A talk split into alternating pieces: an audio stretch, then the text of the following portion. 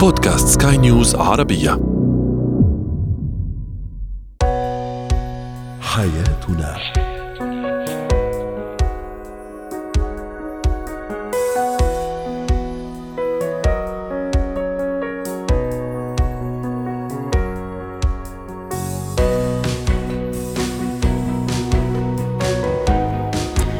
مستمعينا الكرام أهلا بكم. معنا إلى حياتنا فضاؤكم اليومي الذي يعنى بشؤون الأسرة وباقي الشؤون الحياتية الأخرى والذي يمكنكم الاستماع إليه عبر منصة سكاي نيوز dot com slash بودكاست وباقي منصات سكاي نيوز العربية الأخرى. شاركونا عبر رقم الواتساب 00971 561 886223 معي أنا أمال شاب. كيف نعزز السلوك الإيجابي لدى زوجي وزوجتي؟ لدى الشريك بشكل عام.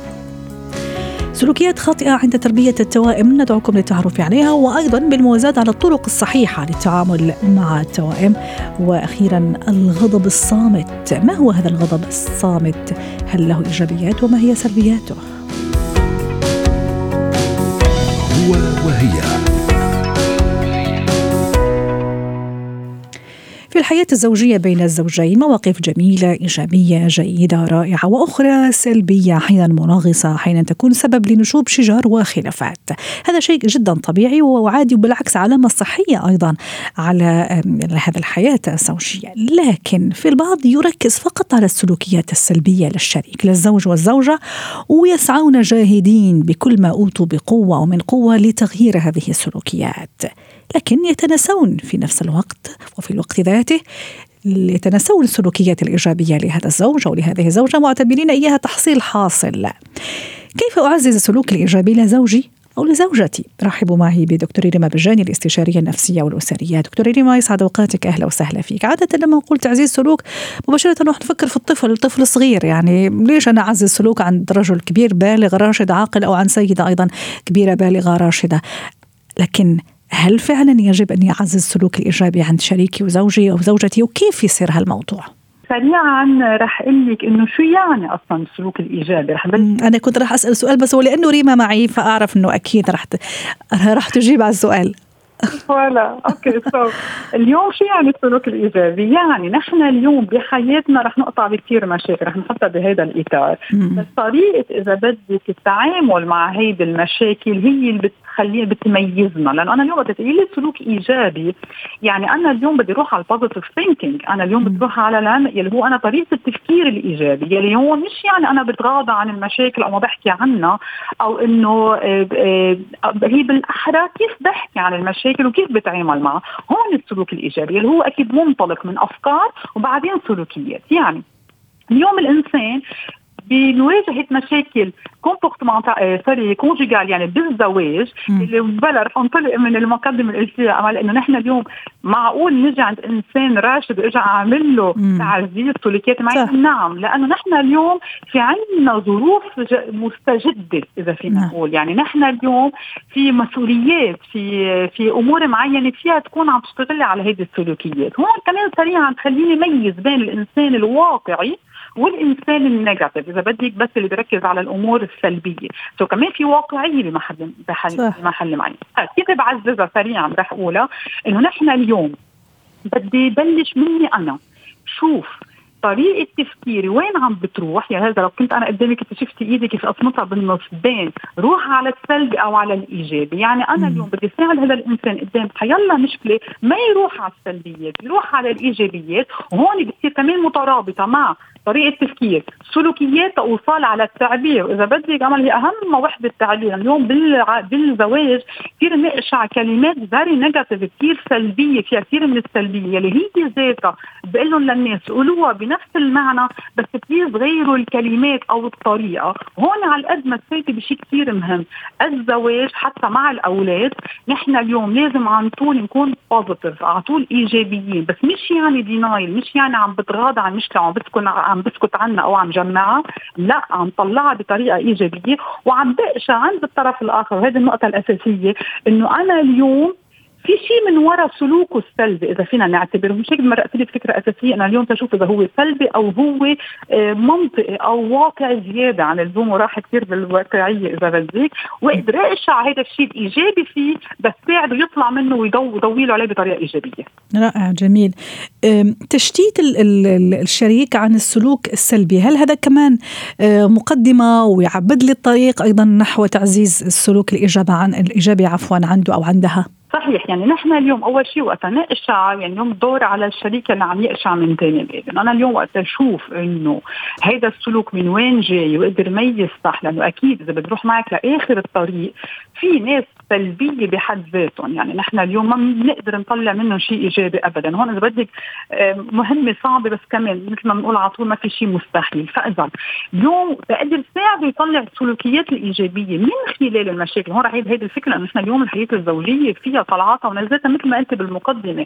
إحنا اليوم ما فينا نقول إنه الحياة حلوة وكل شيء تمام فيها لأنه هون بنكون عم نعيش denial عم نعيش إنكار اللي منه منيح. فإذا وقتها أنا ضوي عليها. رح هيدي الفكرة الأساسية. بطريقة إيجابية من ميل بكون عم بعطيه value عم بعطيه قيمه اللي هون عم يقطع فيه. يعني أنا مش كمان عم أقول إنه أنت غلط كيف عم بتفكر أو غلط كيف عم تتصرف. يلي هي منا منيحه يلي هي من يلي هي سلبية. إذا بدك عم نضوي على القد على النقاط. إنه أنا عم ضوي له على شيء مهم بس عم غير الطريقة بالتعبير عنها أو بابدائها أو بالتفكير فيها.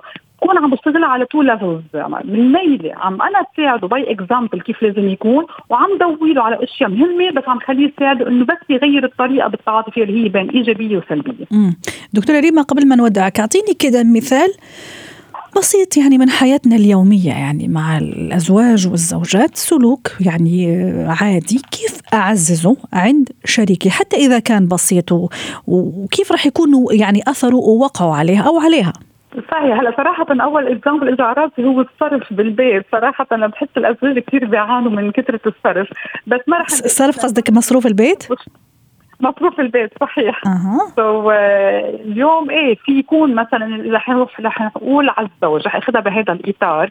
مثلا في يعتبر عند المرأة هو آه، زيادة مصروف بالمنزل في يشوفها شوي بطريقة سلبية بمعنى إنه أنا اليوم آه، مثلا بصير طريقه آه، تعامله مع الموضوع شوي حدي لأنه بيعتبر إنه مثلا يمكن مرته غير مسؤولة بالمصروف أو يمكن خايف على المستقبل. هون بعطيك اكزامبل الواقع. بيروح على شيء واقع يمكن كل العالم هلا بأزمات مالية خايف زيادة هو رجل البيت بخاف على الاشياء في يكون سلبي بالتعاطي مع هذا الموضوع.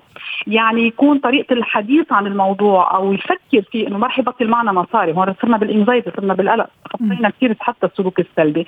so من هالنقطة في لك نحن اليوم الزوجة إذا أخذناها بهذا الإطار فيك تروق له قلقه مثلا بمحل معين وتقدر تساعده إنه يعبر بطريقة إيجابية عن هذا الخوف. يعني تقشع الخوف الموجود بقلب الكلمات اللي عم بيقولها بس تعرف إنه من إن هي تصرفها مسؤول so تطمن له باله فتقدر تحول له الطريقة هي three levels إذا بدك على ثلاث مراحل مستويات فتقدر نساعده ينقل على إذا بدك التفكير الإيجابي. شكرا لك دكتورة ريما. آه، بجاني الاستشارية الأسرية والنفسية ضيفتنا العزيزة من بيروت وأتمنى لك أوقات سعيدة ويوم سعيد. زينة الحياة.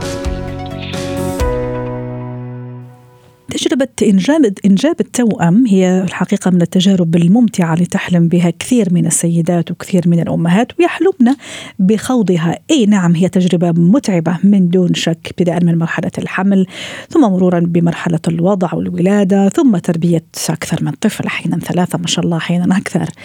آه يعني مش أقل من اثنين أكيد هذا شيء معروف. الأمهات يشعرن بالمسؤولية المضاعفة تجاه التوأم.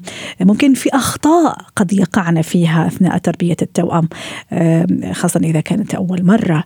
دعونا نتعرف على الأخطاء خاصة التربوية. مدام يعني اليوم حبينا نحكي من الناحية التربوية اللي تقع فيها بعض الأمهات ويفضل أنه لا وبالمقابل إيش هي الطرق الصحيحة والتربوية الجيدة. رحبوا معي بريم صابوني الاستشارية النفسية والتربوية ضيفتي من القاهرة. أهلا وسهلا بالأستاذة ريم. شو لازم نعرف أول شيء عن حقائق مهمة عن التوأم من الناحية النفسية السلوكية والتربوية؟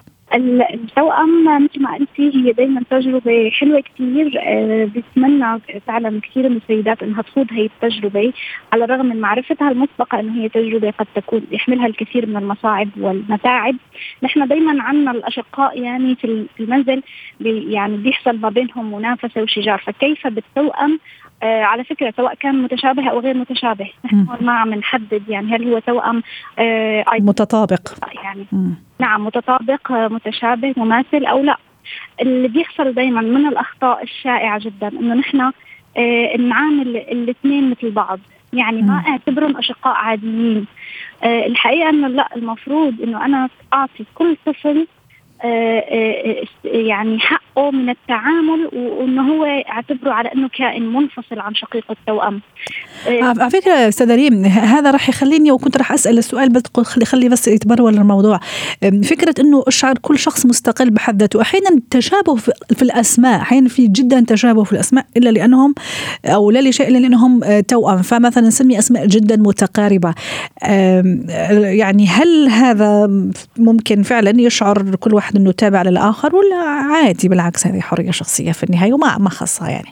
هي هي المهم إنها ما تأثر على على اللخبطة بالمحيط وهذا اللي بيحصل. يعني أحيانا بيكون الفرق حرف واحد. مثلا. فاللخبطه بتحصل بتحصل كثير بالمحيط.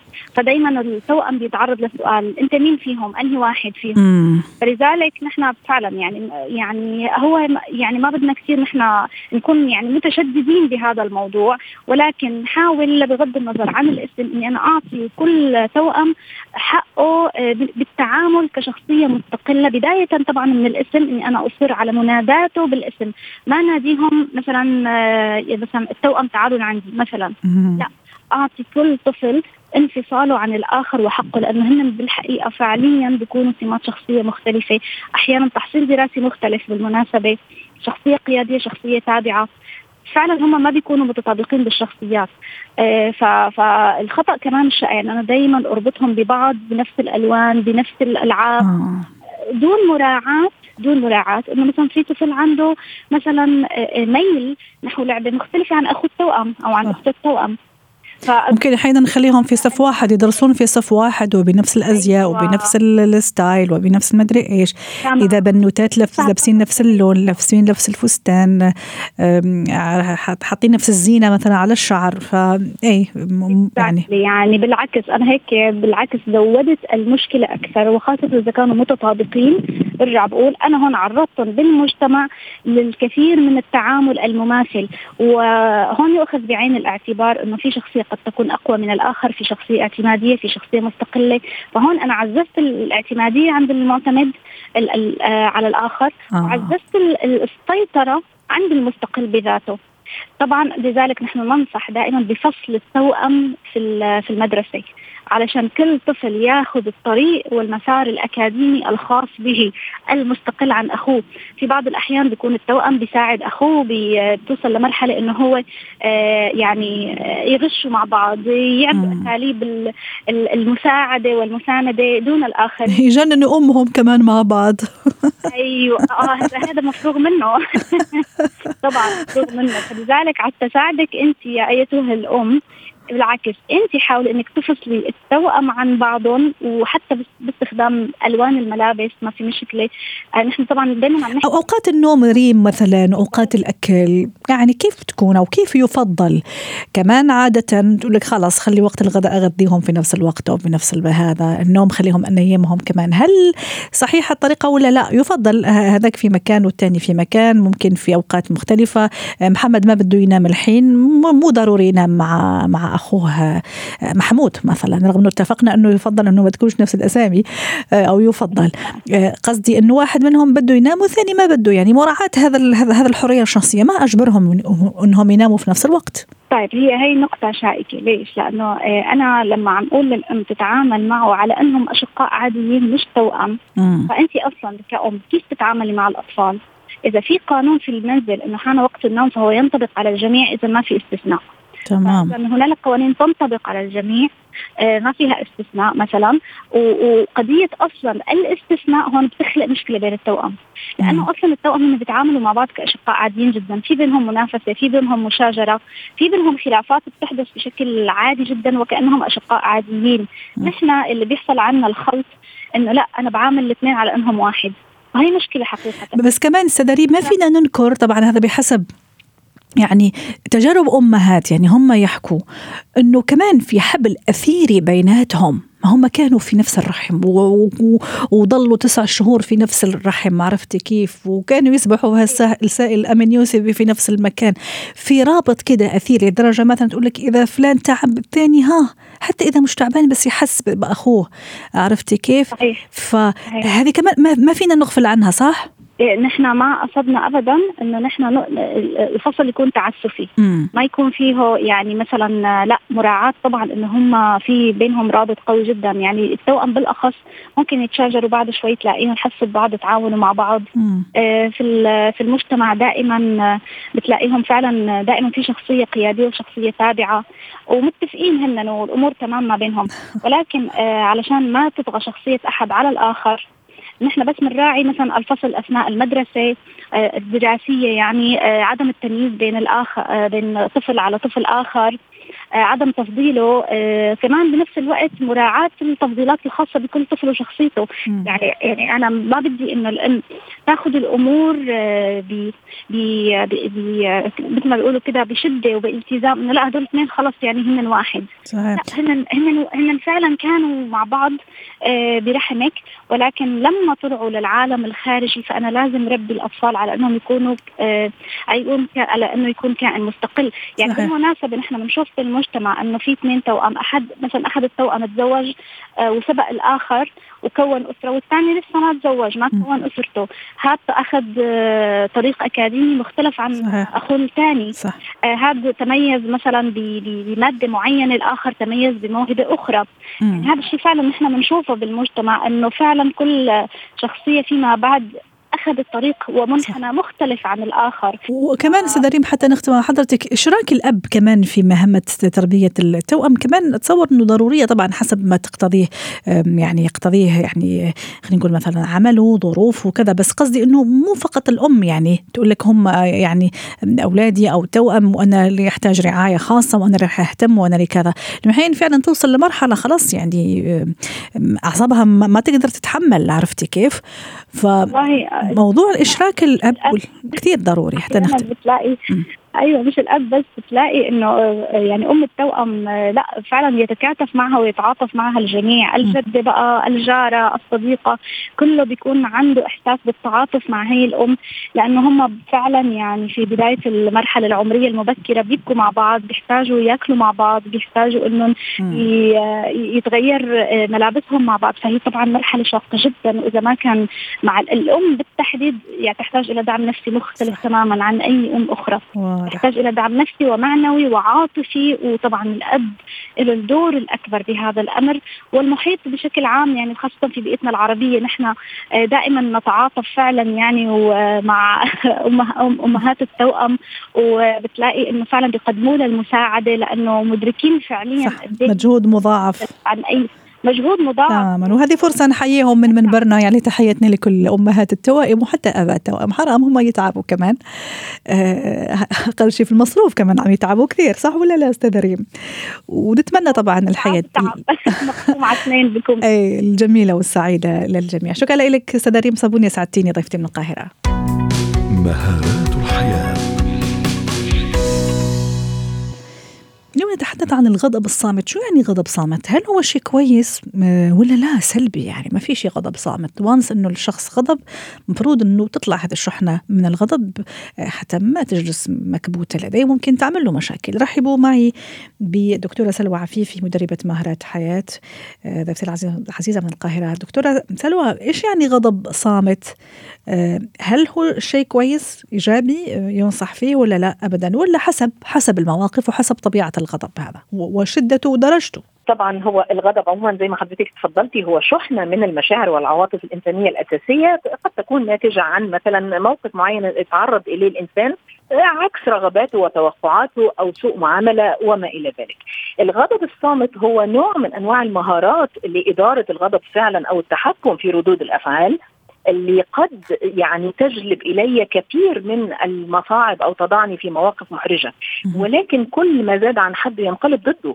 يعني كمان إحنا دايما لازم نعبر عن مشاعرنا لأنه هذه الشحنة أين ستختبئ؟ أين ستضع يعني أو ستظل في الجسد قد تهاجم الجهاز المناعي مثلا قد تسبب أمراض معينة قد تفعل خلل في وظائف الجسم عموما يعني الأشياء النفسية والمشاعر النفسية تؤثر كمان على الجسد وعلى الصحة النفسية والصحة الجسدية عموما الصحة العامة. إذا نعم هو قد يكون ينظر إليه أنه هو إيجابي في بعض المواقف التي تتطلب الحكمة في رد الفعل وقد يكون عواقبها. إذا أنا عبرت عن هذا الغضب خصوصا بطريقة غير حكيمة تسبب لي المشاكل الأكثر أو قد تضيع حقوقي ربما. فإذا إذا تحكمت في غضبي بشكل مدروس بصبر معين تحملت نوعا ما قد أكسب يمكن تأييد الآخرين قد أصل إلى ما أريد فيما بعد ربما يمكن أن أحافظ على علاقاتي أكثر يمكن أن يكون هذا دافع إلى إني أنا أنظر في نفسي طب ما الذي سبب هذا؟ لماذا الناس مثلا احتدت علي؟ قد يكون دافع للتطوير أيضا. يمكن أتلاشى إني أعتذر أو إني أخطئ ولا أتلفظ بلفظ مثلا غير لائق وأترفع عن الموقف. هذا إذا نظرنا لي من ناحية إيجابية. أكيد له سلبيات أيضا. سلبياته هي تؤثر على هذا الشخص. جدا. يعني أنا أشعر وقتها إني أنا دائما مغلوب على أمري. طيب بعد ما يعني ينتهي الموقف دائما نراجع أنفسنا. طب يا ربي ليه ما ردتش بالشكل ده؟ لماذا لم أرد؟ لماذا لم آخذ حقي؟ قد يسبب لي نوع من التراكمات وبالتالي يمكن أكون منعزلة أو منطوية أو يغير في سلوكي في التعامل مع الآخرين. قد أصاب بالإحباط أو الاكتئاب. قد يقلل من ثقتي في نفسي أحيانا أو كثرة التفكير. يكون عندي أيضا تقلب في المزاج. آه ممكن إني أشعر إني أنا أصبحت ضحية أو آه أداة سهلة في يد الآخرين. وقد يتراكم إلى أن يصل إلى أن يكون آه لدى الشخص رغبة في الانتقام أو شعور عدواني. آه أو تحين الفرصة مثلا حتى ينتقم أكيد. صح. ف يعني شوفي المهارة هنا في الإدارة وليس لا في المنع ولا الإفراط في التعبير عن المشاعر. رائع. يعني لازم يكون للإنسان سنس أو إحساس مم. متى يكون لي وقفة قوية ومتى يعني أغرق الموقف. أتغافل. لا بأس. فهي مسألة إدارة والمهارة دائما تتعلم وتكتسب. يعني إحنا لازلنا في الخط الصحيح إن إحنا نقدر إن إحنا نعلي من هذه المهارات حتى نتحكم في الغضب أكثر أو نعبر عنه حين يعني حينما في, في وقت مناسب وبالطريقة المناسبة. في السياق المناسب. شكرا لك دكتورة سلوى عفيفي خبيرة الاتيكيت الدولي ومدربة مهارات الحياة ضيفتي العزيزة من القاهرة.